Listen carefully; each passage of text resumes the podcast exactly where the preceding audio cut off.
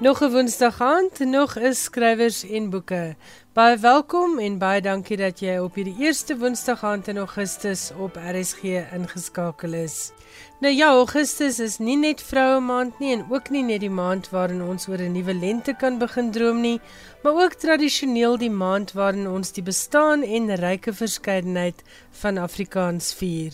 Om die maand hier op skrywers en boeke af te skop, kan jy vanaand luister na 'n argiefvoorbeeld oor die lewe en werk van AHM Skols, veral bekend vir sy bekroonde roman Fatmar. Johan Meiber gesels oor die stand van die boekbedryf in Brittanje, die langlys vir die Boekerprys en ook die nuwe amptelike digter van die FSA. Dan gaan ek gesels met Annie Olivier en sy's uitgewershoof by Jonathan Bull Uitgewers en ons gaan uitvind presies hoe werk die publikasieproses. Ek hoop jy geniet vanaand se skrywers en boeke.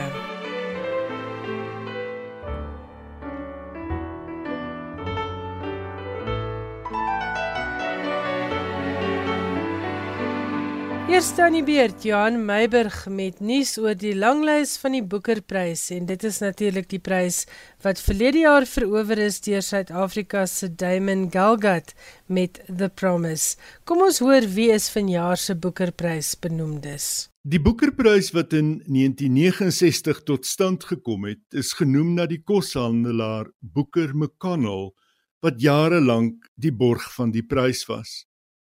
Daarna het die prys se naam verander na die Man Booker toe die Man Groep die borgskap in 2002 oorgeneem het. Sedert 2019 word die Booker en die Booker International gesteun deur die Crankart Stichting in die lewe geroep deur die Britsgebore Silicon Valley miljardêr Sir Moritz Crankstad.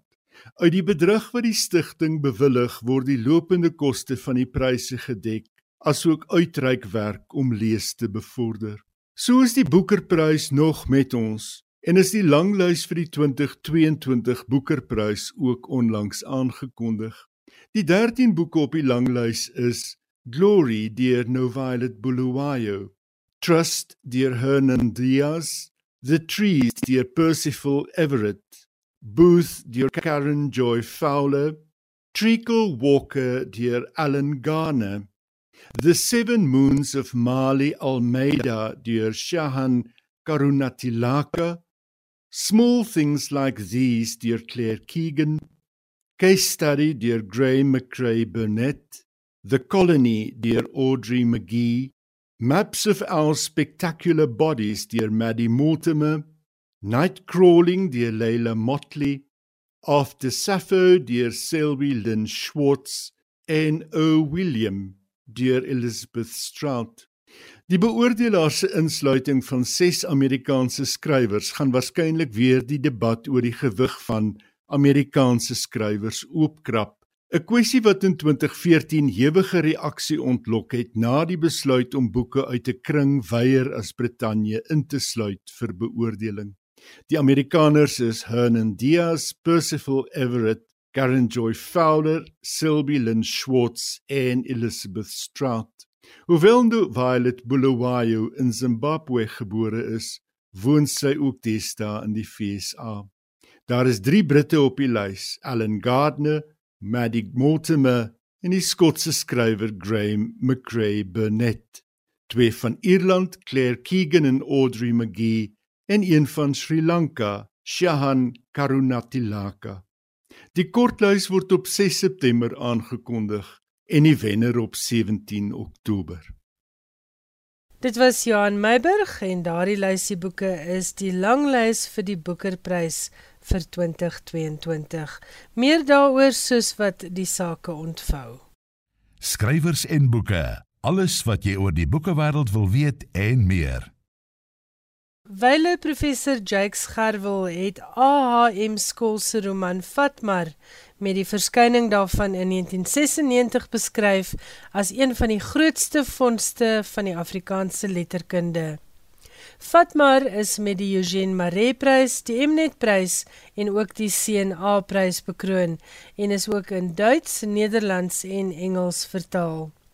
Ek nooi jou nou om saam met my te luister na 'n voorbeeld uit die argiewe oor die lewe en werk van AHM Skols, die skrywer van Fatmar. Hierdie voorbeeld is in 1997 uitgesaai en saamgestel deur Henny Maas. Lekker luister.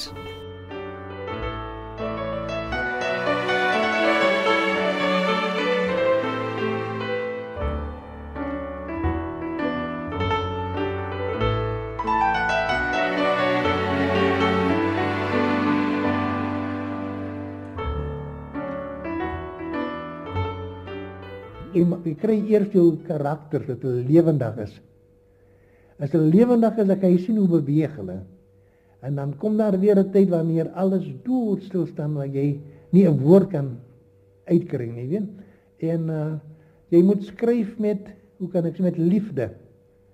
Jy moet met liefde skryf en dan kom alles reg. Ons bied u AHM Skols, die man agter Fatmar. 'n dokumentêre program oor 'n besondere skrywer.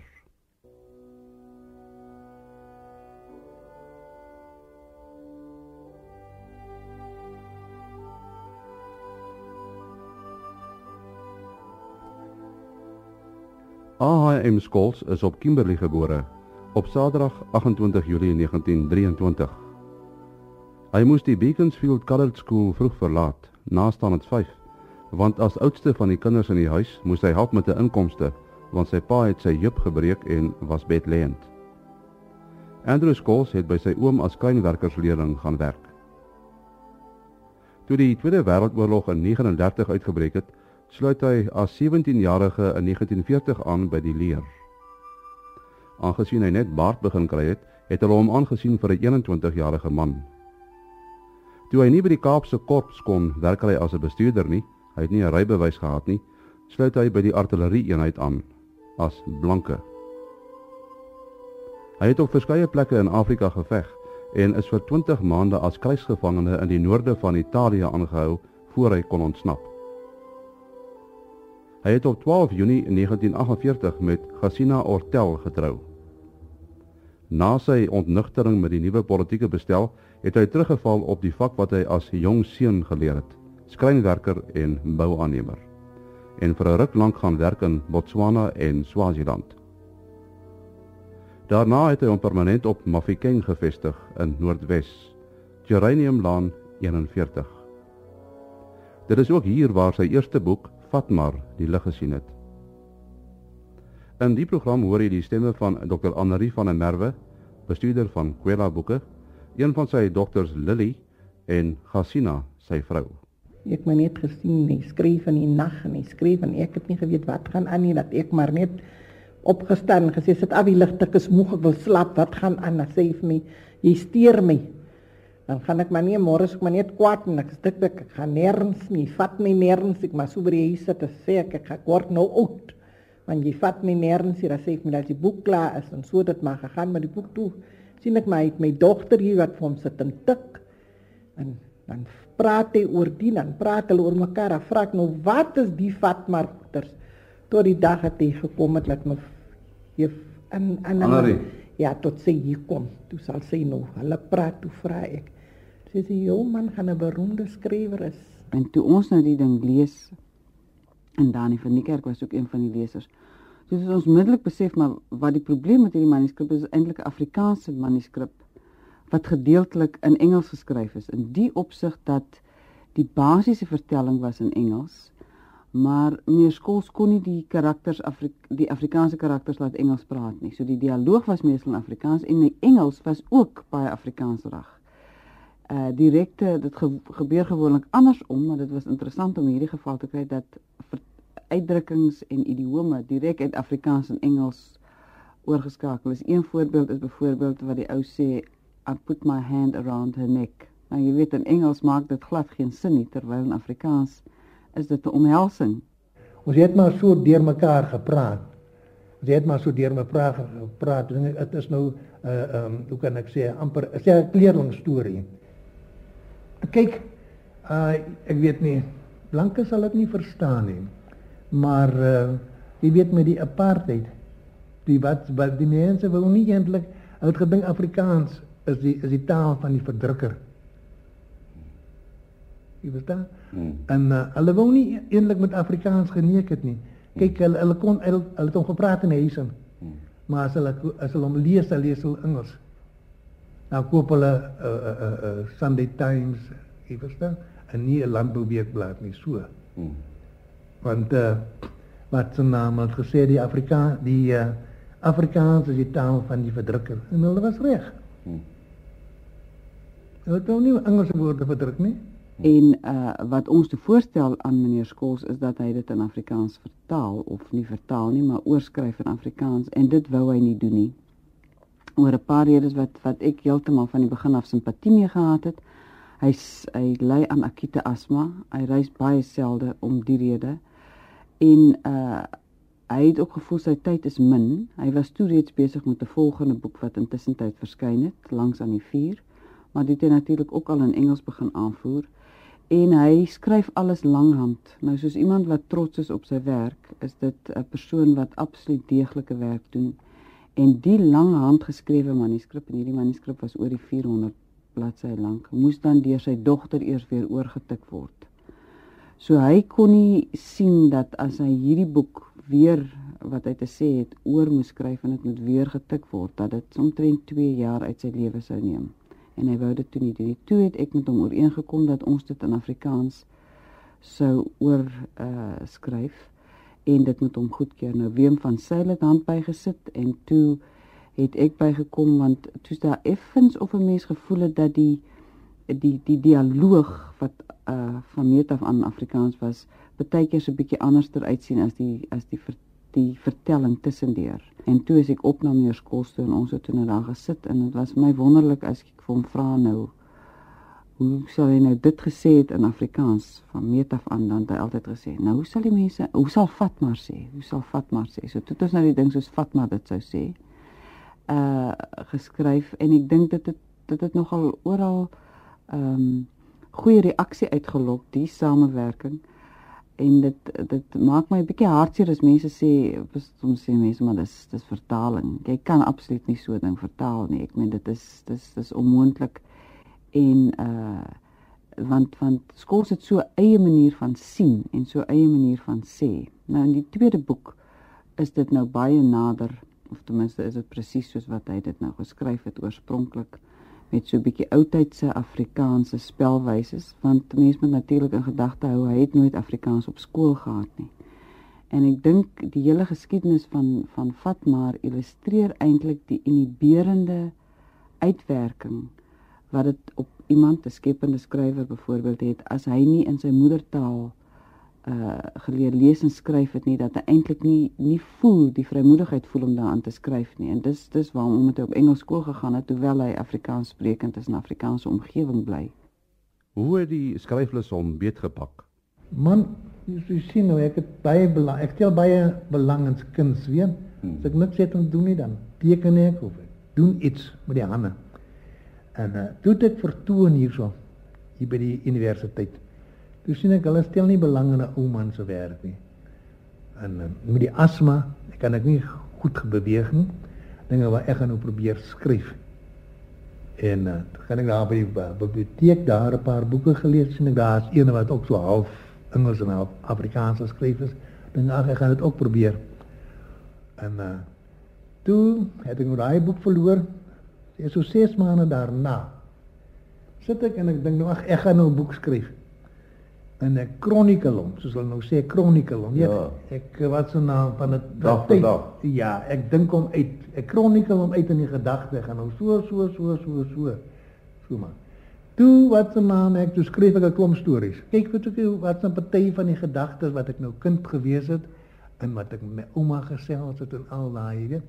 Wat jy dan skep jy dit oor. Jy verstaan? Nou skep jy dit oor laat dit soort van lewendig word. Jy weet 'n boek is nie 'n opstel nie. 'n Boek is iets wat lewendig is. Jou mense moet jy kan daarso voel. Jy moet jou mense kan voel. Hmm. Die die, die wat is nou jou karakter? Hy kom wat se naam? Hy hy kom sê jou wat om te doen, min of meer. Hmm. Jou karakter 'n karakter is die een wat jou wat jou aanleiding gee Is dit 'n ware gebeurtenis? Hier en daar is 'n sê byvoorbeeld 'n man was nou skeel geweest, het ek nou sê skeeloog gebruik hier. Maar nie die hele man nie. Toe skryf ek die klomp stories. En toe teken ek die die die die plan, die uh, terreinplan. Toe teken ek die terreinplan en toe het ek al die stories daaraan pas. Nou ek dink ek het die bestes weggegooi. Hoekom? Dis dem seker dit was nie so. Die terreinplan, dit is nou van die dorpie Fatmar. Vat maar ja. Waar kom die naam vandaan, Fatmar? Uh kyk, vat maar. Kyk, jy gaan nou sê vat so. Ek gaan sê vat maar. Jy gaan sê gooi wat oorskiet, gooi ons vir die vir wat wat afval, gooi ons vir die honde. Ek gaan nou sê wat my oorskietsels gooi ek vir die hoenders. Jy sien is nou daar's 'n verskil tussen in die Afrikaans. Mm. Mm. Nee, vat maar, hulle sê maar as jy maar altyd maar vat maar. Jy weet nou die vat maar is die gesteelde goed wat hulle van die boere gesteg gesteel het daai jare. In Fatmar is daar heelwat karakters. Is daar nou een van wie jy baie hou? Want almal, almal is soos 'n hoe kan ek sê, is soos 'n 'n ouer, ouer en sy kinders. Jy's lief vir almal. Jy's lief vir almal en jy kry as party wat jy jammer kry. Jy's jammer vir party. En uh daar is party dele wat wat jou ook raak. Jy kyk as jy so skryf, dan kry word jy ook hartseer. Jy lag nie vir hulle as hulle hartseer is, uh, jy saam met hulle hartseer. Fatmar was maar die begin. Daar is ander ook. Jy ja, toe ek nou die tweede boek skryf het ek nou vervat maar heeltemal vergeet. En nou moet die derde boek het ek nou weer langs aan die 4 vergeet. Nou is ek met die 4 een besig. Nou uh, Lans aan die vier is die tweede boek. Wat is die derde een? Die derde die derde een is die tapisserie. En waaroor gaan dit? Die tapisserie is 'n soort van 'n 'n versoening. 'n Versoening uh 'n soort van 'n versoeningsstorie aan my medeburger. Moet nie probeer om die onheil wind van die donker jare se lyding en verdriet uit die gisters te fynkom nie. Dit was so. Van ons het daardeur gelewe en miskien het u nie. Dit het sy onuitwisbaar merk, 'n diep vlek in ons land se geskiedenis laat lewe. Laat vergeefnis die oorhand kry en met erbarming die paadjie loop want net wonde kan genees word en tyd kan vergewe slaan die oop deur toe stap weg en kyk nie om nie En as jy weet so 'n boek beplan, hoe werk dit? Kom die storie van self of moet 'n mens eers 'n raamwerk maak? man jy kry die gedagte hè soos die uh, ek is nou besig met 'n 'n 'n soort van 'n musical maar ek het die einde ek het die einde nou moet ek nou eers dink wat gaan in die middel kom en dat wat gaan met wat gaan ek begin Mm. maar die ander die ander soos vat maar het ek van vooraf begin in deurmekaar sommer deurmekaar gesit Mm. deurmekaar soos dit gekom het het ek sommer wat se naam en agterna het ek hulle toe uitgesif En die karakters, hulle het hulle self gebou. Ja, kyk die karakters, hulle wat som hulle pas in hierso, dan gee jy weer pad, dan pas die ander een weer in. Ja nou baie mense sal nou vra waar het jy jou mensekennis opgedoen? Maar mel kyk ek is altyd saam met manne gewees, kyk in die in die oorlog was ek 5 jaar net met manne gewees. Net met manne gewees en uh wel wat se naam in, in die uh, uh TV.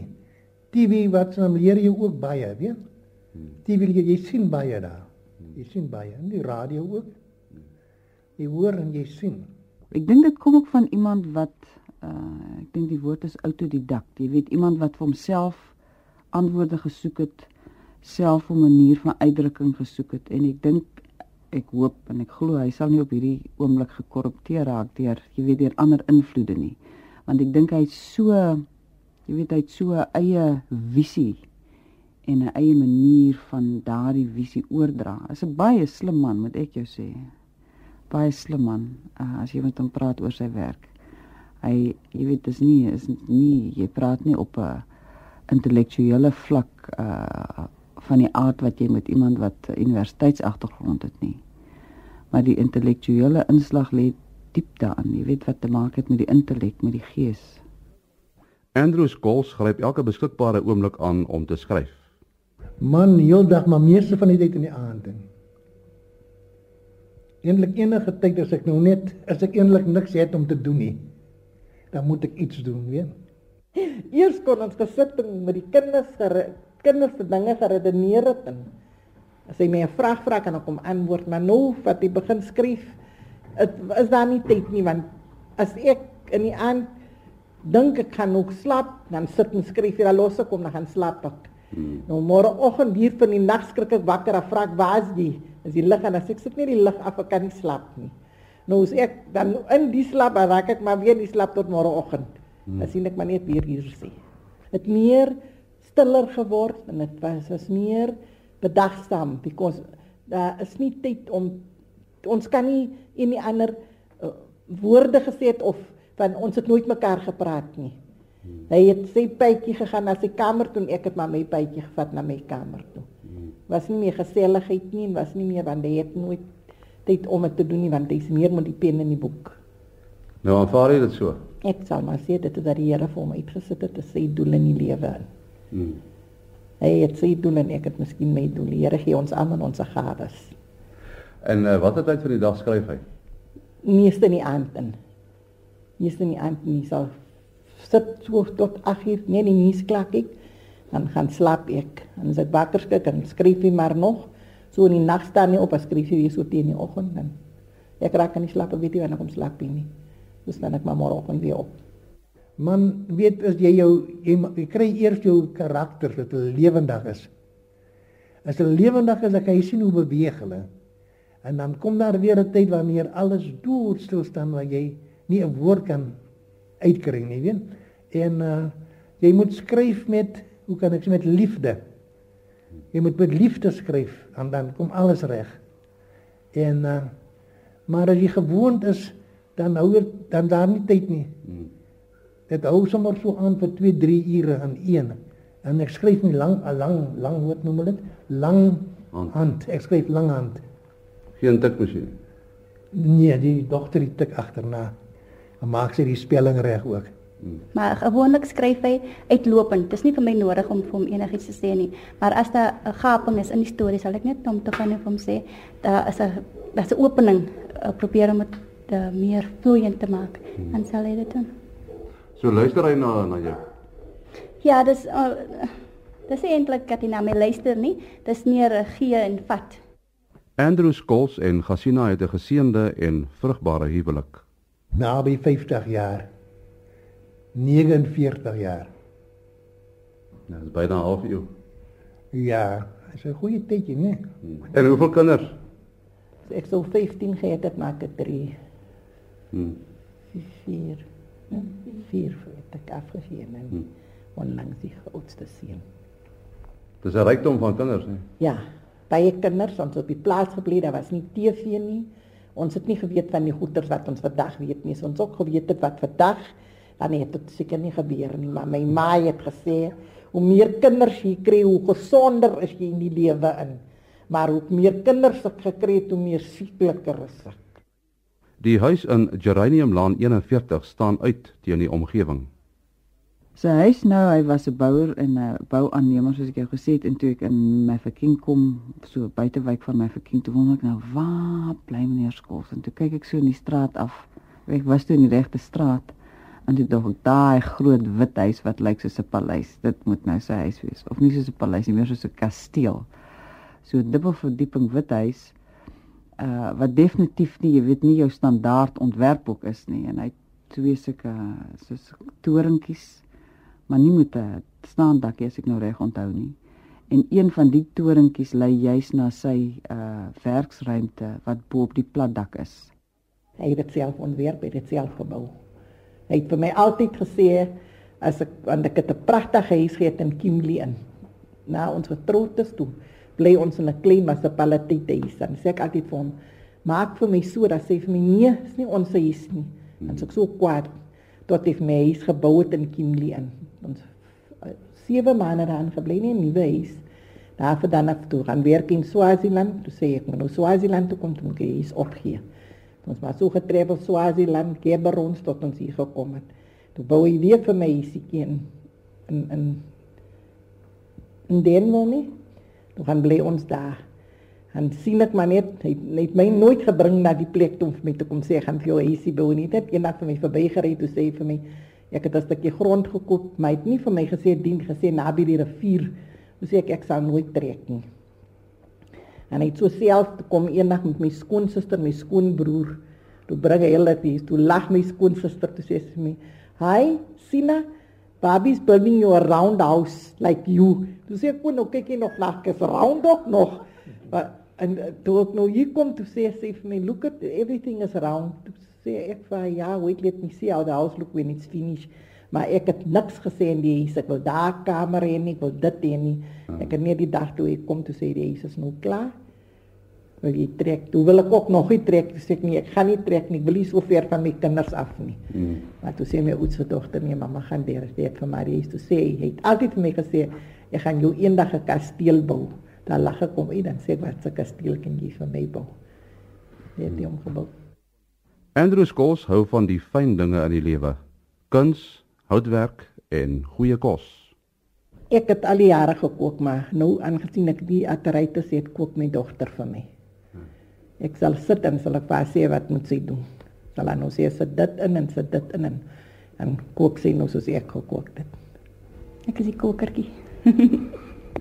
o, oh, hey, ou van biryani, hoendercurry, samosas, al die disse wat ek al die jaar gekook het met die kinders stamplies en boontjies en groentekos. Ek het baie lief vir groentekos. My kinders is baie lief vir groente. Want ek het hulle groot gemaak met baie groente. Op die plaas waar ons gebly het, het hulle gekook alles wat groente is. En, en vleis? Ja, vleis, ons is baie lief vir vleis. Beesvleis, hoender. Hmm. Eet afval, slag, as ons geslagger, eet ons afval en baie die plaas geslag. Het hy 'n soet tand? Ja, nog al by die vir melkteer, by die vir koek, kusisters, alles wat ons maak eet hy. By die vir dit want ek moet hom trou toe kan hy nie tamatie eet nie, kan nie curry eet nie. Hy's nie 'n vleiseter nie, het maar die kos soos ek gekook het dan pik pik hierdie kos en vandag beklei ek oor vleis. As ek nie curry kook Sondag na sy kwaad. Hmm. As dan sit hy so bietjie sy volgeete daar vry is dan nog nie is dan nog nie nagereg nie. Hmm. Hy het nie koek gebak nie. Nou sal hy so sit en pesel tot hy nog moeg is gaan slaap. Hmm. Nie kan nie, nie sien hoe groot is hy mag nou nie. en uh is is is hy 'n rustige mens? Baie. Baie rustig. Hy's 'n baie bedagsame persoon. Hy kan baie mooi vir jou antwoord. Hy kan hy kan op 'n tydmal nie lekker is nie, hmm. maar hy kan baie mooi is. Ek verkeerd is, ek kan nie meer roep en sê maar daar was jy verkeerd want ek is kan partymal ook maar lekker verkeerd is. Dan kan ek nou sê ja nee, dit was waar ek is verkeerd. Maar ek kan ook maar lekker verkeerd is party daar. Die die uh die rede waarom die huwelik nou so lank gehou het, 50 jaar amper, waaraan sou jy dit toeskryf? Ja, ek sal sê dis die Here se genade. Dit is nie die Here wat ons deur die pad gevat het want ons kom deur diepe waters. Ek weet nie, ons was eerlik bang vir 'n paar tyd nie. nie. Ons was nie bang vir die apartheid nie. Want uh, ons het 49 jaar saam. So die apartheid kon ons sê het mekaar uitmaak nie. Baie trane, baie saam gehuil en baie keer ook gesê ek kan nie meer aangaan nie, maar ek kom dit weer na my toe. Dit is jou pad wat gekies is vir jou om te dra. Hmm. Die Here se wil so gaan deur met dit. Hoe voel jy oor die geskiedenis van die afgelope jare? Man, al wat se naam het maak nie saak hoe 'n mens voel nie. Jy kan net niks daaraan doen nie. Jy kan niks daaraan doen nie, maar mense moenie dink dat daar nie sal verandering kom nie. Verandering, die wêreld is vol verandering. Hmm. Dit is 'n wet, is die wet van van van van die aarde. Hy moet verander. Nou toe die apartheid verdwyn het, hoe het jy toegevoeg? Man, ek weet nie, soos iets wat moes gebeur het. Kyk, apartheid is 'n is 'n is 'n onreg. Dit was 'n onreg in in 'n onreg die die die, die broei sy eie sy eie nadeel. Dit was 'n onreg gewees, maar anyhow, daar is nie die beste van alses. Daar is nie eintlik mense wat mekaar haat nie. Dis verby en dit was verkeerd gewees. En hulle besef dit en maar hulle haat nie mekaar nie. Nou die gevoelens wat jy wat jy destyds gekoester het, die die die haat, die die is dit heeltemal weg. Natuurlik. Natuurlik. Natuurlik. Jy sien die, die beste van alles is hulle sê jy's 'n Christen. Jy verstaan? As jy 'n Christen is, dan moet jy nie eintlik haat nie, jy moet jou jou naaste lief hê. En dis vir u lewe in die lewe. Ja, ja, as jy dit net kan oordra aan die kinders, jy sien. Of aan die jongspan, sê maar 'n jongspan. Hoe voel jy oor die toekoms van van ons land? Man, daar is baie wette wat onnatuurlik is. Byvoorbeeld is 'n man moord gepleeg het. Nou gaan hy wat nou word nie vrygespreek of hy kry 'n paar jaar dan sy weer vry. Dit is nie is nie natuurlik nie. 'n Moordenaar bly 'n moordenaar nie waar nie. En uh wat se naam kyk hier verkrachtings wat aangaan. Hm? Hulle steel jou goed en maak jou nou dood vir jou eie goed, dan gaan jy net tronk toe. Hy gaan toe hy vat nou daar daar is nie soos hulle sê uh, uh, wat se naam uh law and order nie. Dit is law and order nie. As ander man net my goed kom vat en ek mag niks doen nie of hy maar my doodmaak word. Hmm. Want daar iets drasties verkeerd. Wanneer algemeen voel jy goed oor die land? Oor die land. Maar gee my net so kansie. Oor die land. Ja, ja, ja. Die armoede gaan inkom. Hmm.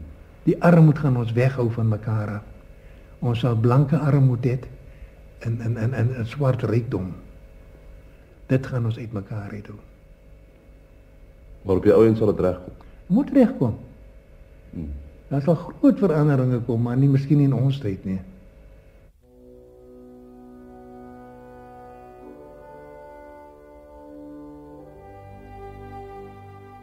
A.H.M. Skoll se eerste boek Fatmar het in 1995 verskyn.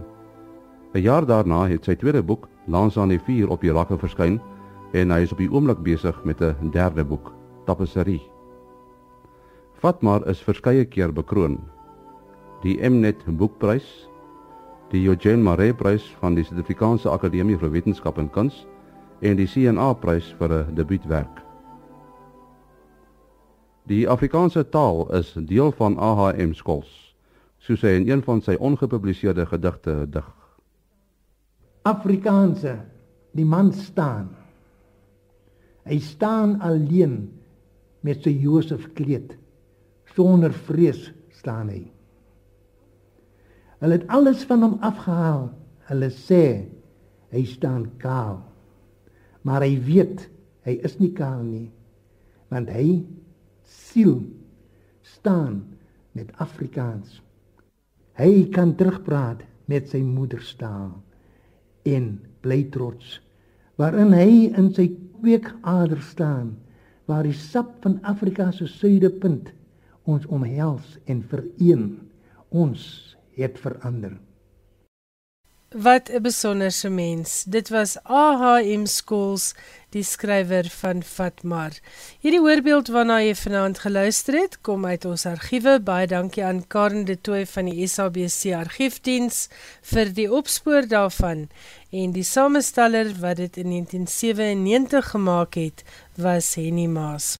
Ek is Elsje Salzveld, jy luister na RSG en ek gee nou graag weer die mikrofoon vir kollega Johan Meiburg. Hy het vir ons nuus oor die stand van die Britse boekbedryf. Die Britse uitgewersbedryf het die beste jaar nog agter die rug. So berig Bookseller, die tydskrif wat oor die bedryf berig.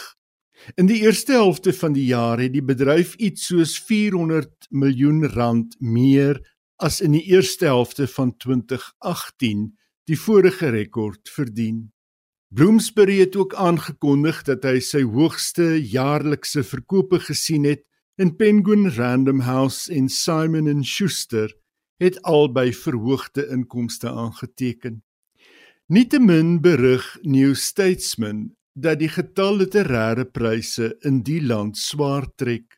Onlangs is die Desmond Elliot Prys teruggehou terwyl die organiseerders na finansiering soek. Die prys vir debuutskrywers het in 2007 tot stand gekom. En vorige wenners sluit in Derek Owusu, Emer McBride en Pretty Taneya. Sunday Times se kortverhaalprys is ook in die weegskaal as 'n ander borg nie gevind kan word nie.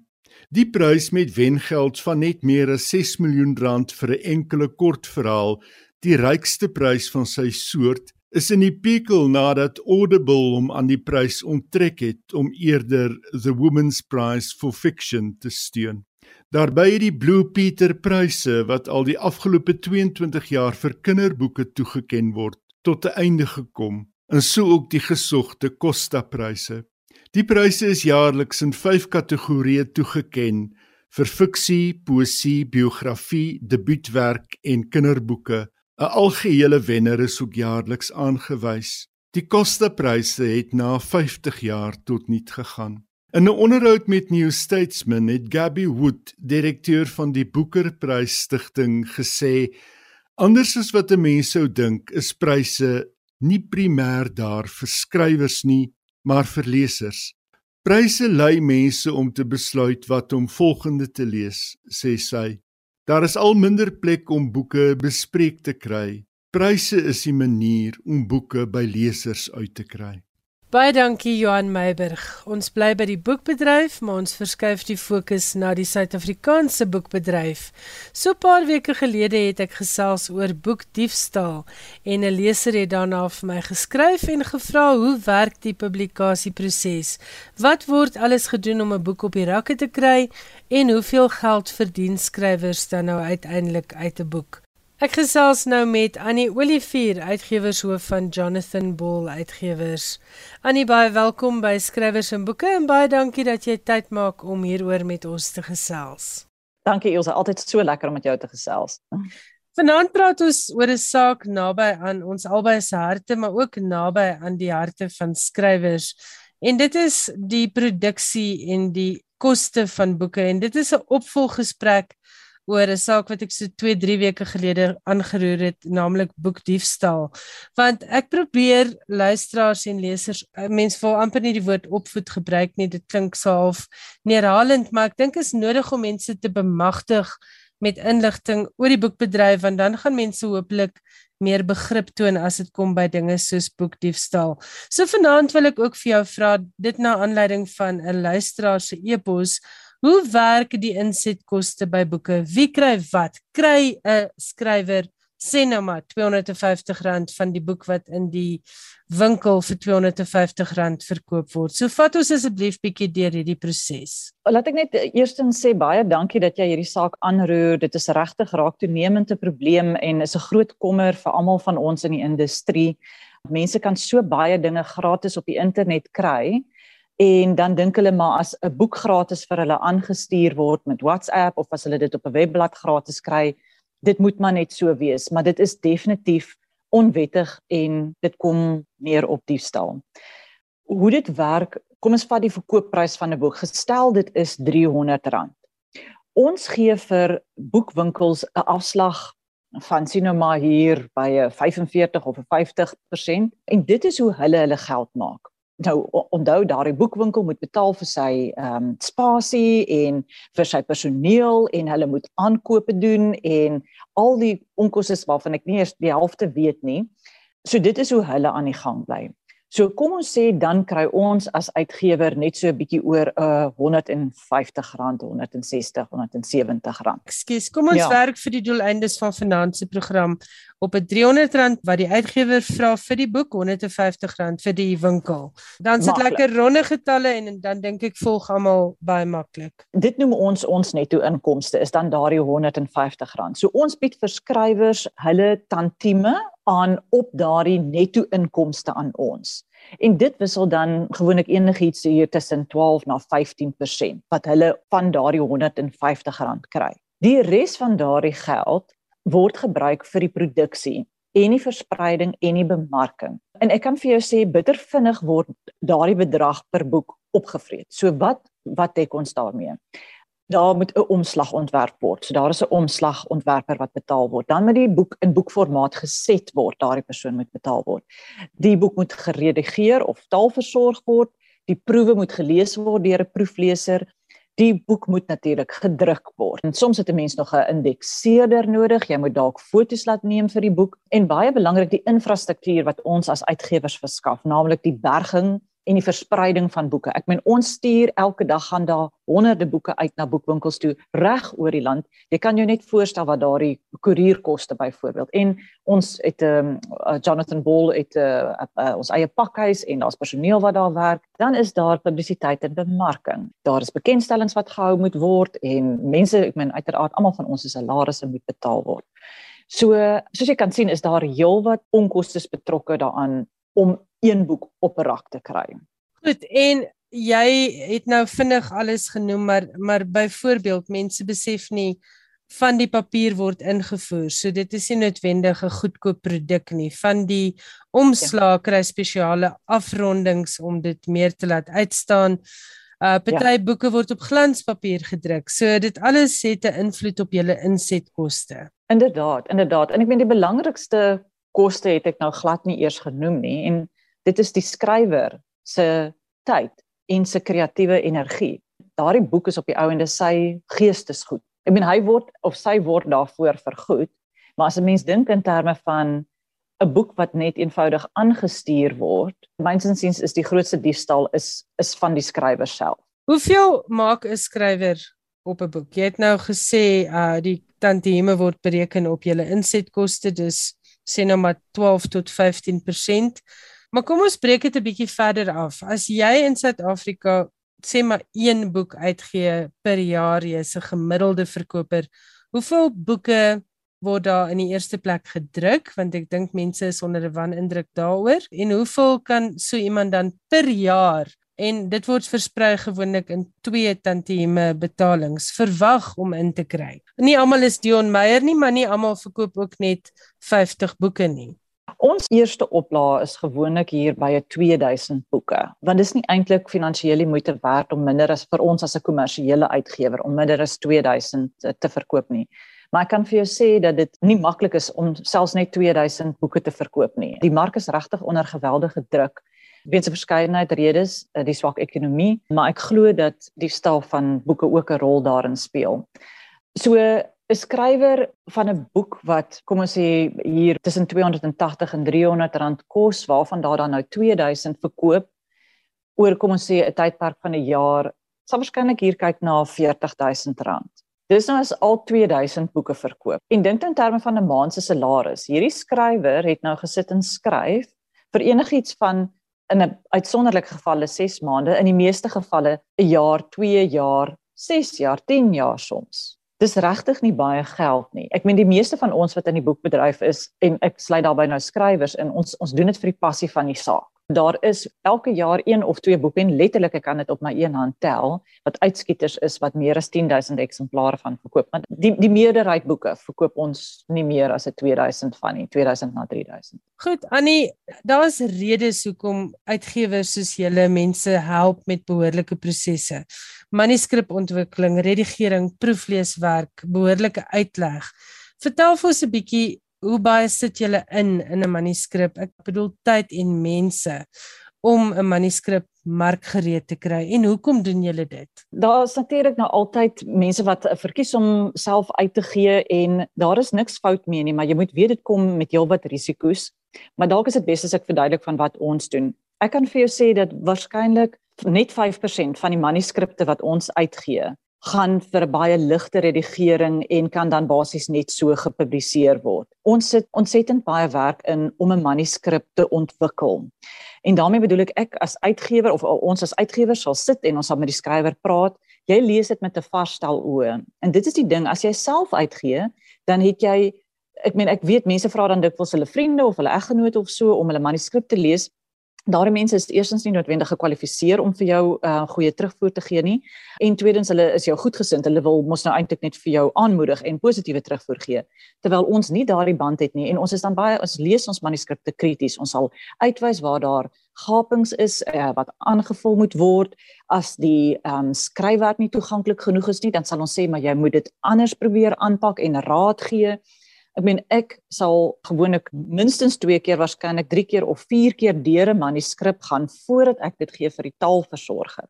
En dan gaan die taalversorger ook nog daardeur ek kyk nou maar meer na strukturele kwessies, ek meen logiese vloei, gapings in die teks of in die vertelling of in die as dit nou navorsingsgebaseer is in die navorsing of ons sal dit nou stuur vir kenners wat daarop vir ons kan adviseer en dan gaan dit nou maar eers vir taalversorging want jy sien as skrywer later net nie meer die foute raak nie. Jy het regtig daardie buiteoog nodig. En as jy by 'n um, ehm, uitgewer uitgee, dan is daar 'n hele paar oë wat oor en deur die manuskrip gaan voordat dit uitgegee word. Maar ja, natuurlik kan ons nie elke boek uitgee nie. Daar uh, is is ons nou sekere kriteria uh, waarin ons manuskripte meet. So uiteindelik gaan dit net oor goeie boeke. Dit is wat jy op die mark wil sit en dit is hoekom jy soveel ja. moeite doen. Ja, en natuurlik ook boeke wat ons glo 'n mark sal vind, want elke liewe mens het 'n boek in hulle en almal kan 'n storie vertel of 'n stuk navorsing doen en daaroor skryf, maar miskien is daar net 100 mense wat dan daardie boek sal wil lees. En ek meen uiteraard oorweeg ons dit, jy weet ons ons ons dink jou eerste prioriteit is om daardie boek uit te gee wat jy wel hoop die 2000 eksemplare van sal verkoop of as jy gelukkig is 5 of 10000. Die belasting, jy betaal as uitgewersbelasting. Sê nou maar ons skrywer het nou sy 2000 boeke verkoop, daar's sê maar 40000 tot 50000 rand tantieme betrokke. Hy of sy betaal nog belasting ook op die 40000, is ek reg? Inderdaad, ja. En jy betaal by die uitgewery belasting op jou totale omset. Ja. Die boekwinkel betaal vir belasting op toegevoegde waarde BTW ook nog oor, ja. né? So uiteindelik ja. be beland baie van hierdie geld in die amptelike ekonomie. So mens steel dan eintlik ook van die van die landsekonomie as jy boeke steel. Maar die grootste verlies bly by die skrywer. Inderdaad, ek dink tog so. Ek meen maar dit is dit is vir ons almal net so verlies. Ek, ek sukkel om te verstaan dat ek meen jy sal tog nie in by 'n winkel instap en 'n boek van die rak af neem en sê, "O, kyk hier sit dit." Of instap by 'n winkel en klere van die rak af haal en dit net neem nie. En dit is presies waarop dit neerkom as jy 'n boek per WhatsApp byvoorbeeld aanstuur. Dit is nie joune om aan te stuur nie. Ooit nie. Nou is daar 'n ander vraag wat ek vir jou wil vra. Ek kry dit baie dikwels as ehm uh, e-book skrywers en boeke oor die afgelope 10 jaar. Hoekom is e-boeke so duur? Kan jy dalk vir luisteraars verduidelik hoekom is daar nie 'n reuse verskil tussen e-boeke en normale gedrukte boeke nie? In die eerste instansie moet ek verduidelik dat e-boeke verteenwoordig 'n baie klein persentasie van ons totale verkope. Ehm um, dis gewoonlik 5% of minder. Om die boek te produseer, het jy 'n sekere onkoste. So ons probeer daardie onkoste herwin op verskillende maniere, op verskillende formate en e-boeke is nou maar net een formaat. Ek dink as daar groter verkope was van e-boeke en groter verkope van gedrukte boeke, dan sou dit vir ons makliker gewees het om dit goedkoper te maak. By Jonathan Ball spesifiek is ons e-boeke altyd 'n bietjie goedkoper as die gedrukte boek omdat die argument is dat dit net 'n ander formaat is van die gedrukte boek. Maar ek weet jy het steeds daardie al daardie manuskripontwikkelingskoste, al hierdie soos wat ek genoem het, redigering, proeflees om die boek om te skakel na e-boek, dit is ook 'n koste byvoorbeeld. Met ander woorde, dis net nog 'n forum waarop jy probeer om die inset insetkoste van die boek terug te kry. Jy ja. kan dit nie bloot weggee op e-boeke omdat jy ja. geen papier het nie. Ja, inderdaad. En ek moet ook sê internasionaal was die tendens aanvanklik om dit heelwat laer te prys en hulle het intussen ook nou afgesien daarvan en e-boeke kos nou baie nader en ek het jous onlangs die saak ondersoek, jy weet, kos dit nader aan die prys van die gedrukte boek. Ek dink dit was dalk dis maar 'n tyd uh, tydsgees ding. Ehm um, 'n 12 na 15 jaar gelede het mense hierdie tegnologie aangegryp En soos wat koerante ook aanvanklik verniet beskikbaar was en nou besef al die koerante maar hulle moes nie eintlik hulle uh, inhoud gratis beskikbaar gestel het nie, maar vroeër vir mense gewoond gemaak het daaraan om te betaal vir die inhoud. Goed, ek het nog 'n vraag.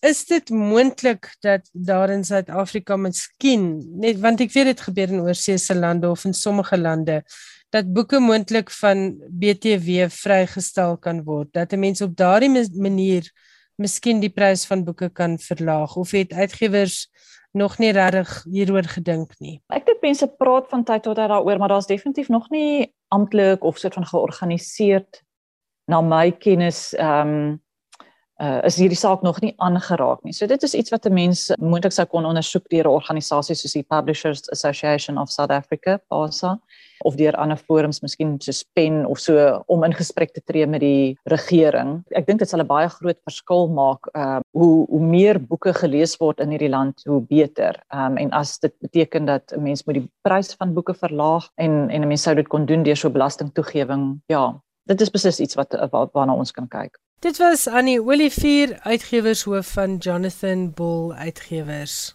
Skrywers en boeke. Elke Woensdag aand tussen 8 en 9.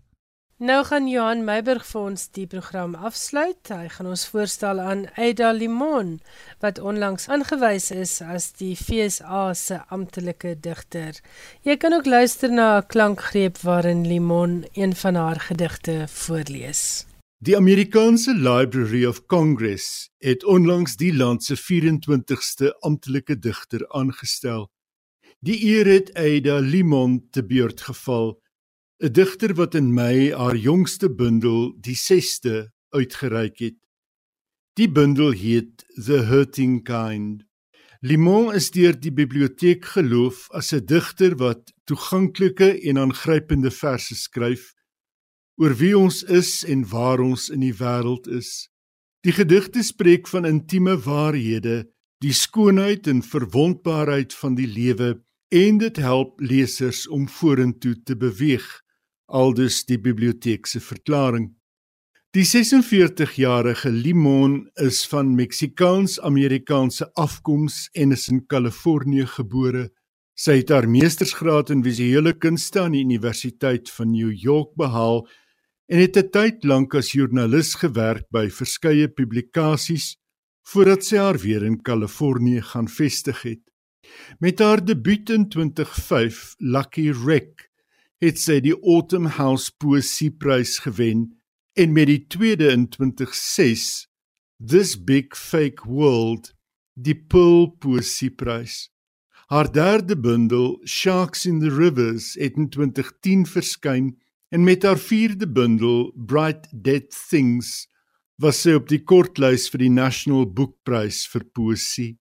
Met The Carrying van 2018 het sy die National Books Critics Circle Prys verower. Oor haar aanwysing is die FSA se amptelike digter het Limona self so uitgedruk: Ek dink dit is belangrik om in gedagte te hou dat poesie selfs op hierdie oomblik, hierdie oomblik van verdeeldheid daarin kan slaag dat ons weer iets van menslikheid kan herwin. Ons besit 'n volledige spektrum van emosies en met poësie kan ons deur die hartseer en trauma en die woede werk om dalk uit te kom by die ander kant met sy gelatenheid, vreugde en af en toe 'n bietjie vrede. Dis belangrik om te onthou dat ons albei hierdie pole nodig het. Sonder die een is die ander onmoontlik. Hier lees Ada Limon haar gedig Instructions on Not Giving Up. This is a spring poem. It's a poem of hope. I'm not a winter person. I try to be. I'm a spring person. I like it when everything comes back. Instructions on not giving up more than the fuchsia funnels breaking out of the crab apple tree, more than the neighbor's almost obscene display of cherry limbs shoving their cotton candy colored blossoms to the slate sky of spring rains. It's the greening of the trees that really gets to me. When all the shock of white and taffy, the world's baubles and trinkets leave the pavement strewn with the confetti of aftermath, the leaves come, patient, plodding, a green skin growing over whatever winter did to us, a return to the strange idea of continuous living, despite the mess of us, the hurt, the empty. Fine then, I'll take it, the tree seems to say. A new slick leaf unfurling like a fist. I'll take it all. Dit was Aida Limon en die gedig wat sy voorgeles het is een van haar eie met die titel Instructions on Not Giving Up.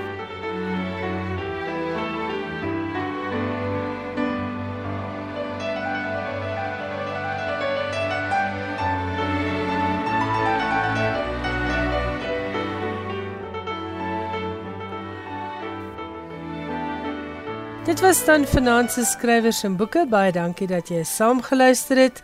Ek hoop jy die program geniet en volgende Woensdag aand is ek en Johan Meiburg weer terug en dan vier ons onder andere die 100ste herdenking van die digter Sheila Cousins se geboortedag.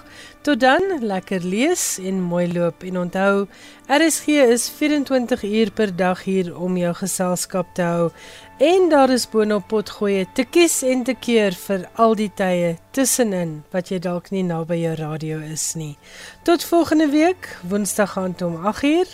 Totsiens en ek hoop jy het 'n fantastiese week en stapels lekker leesboeke.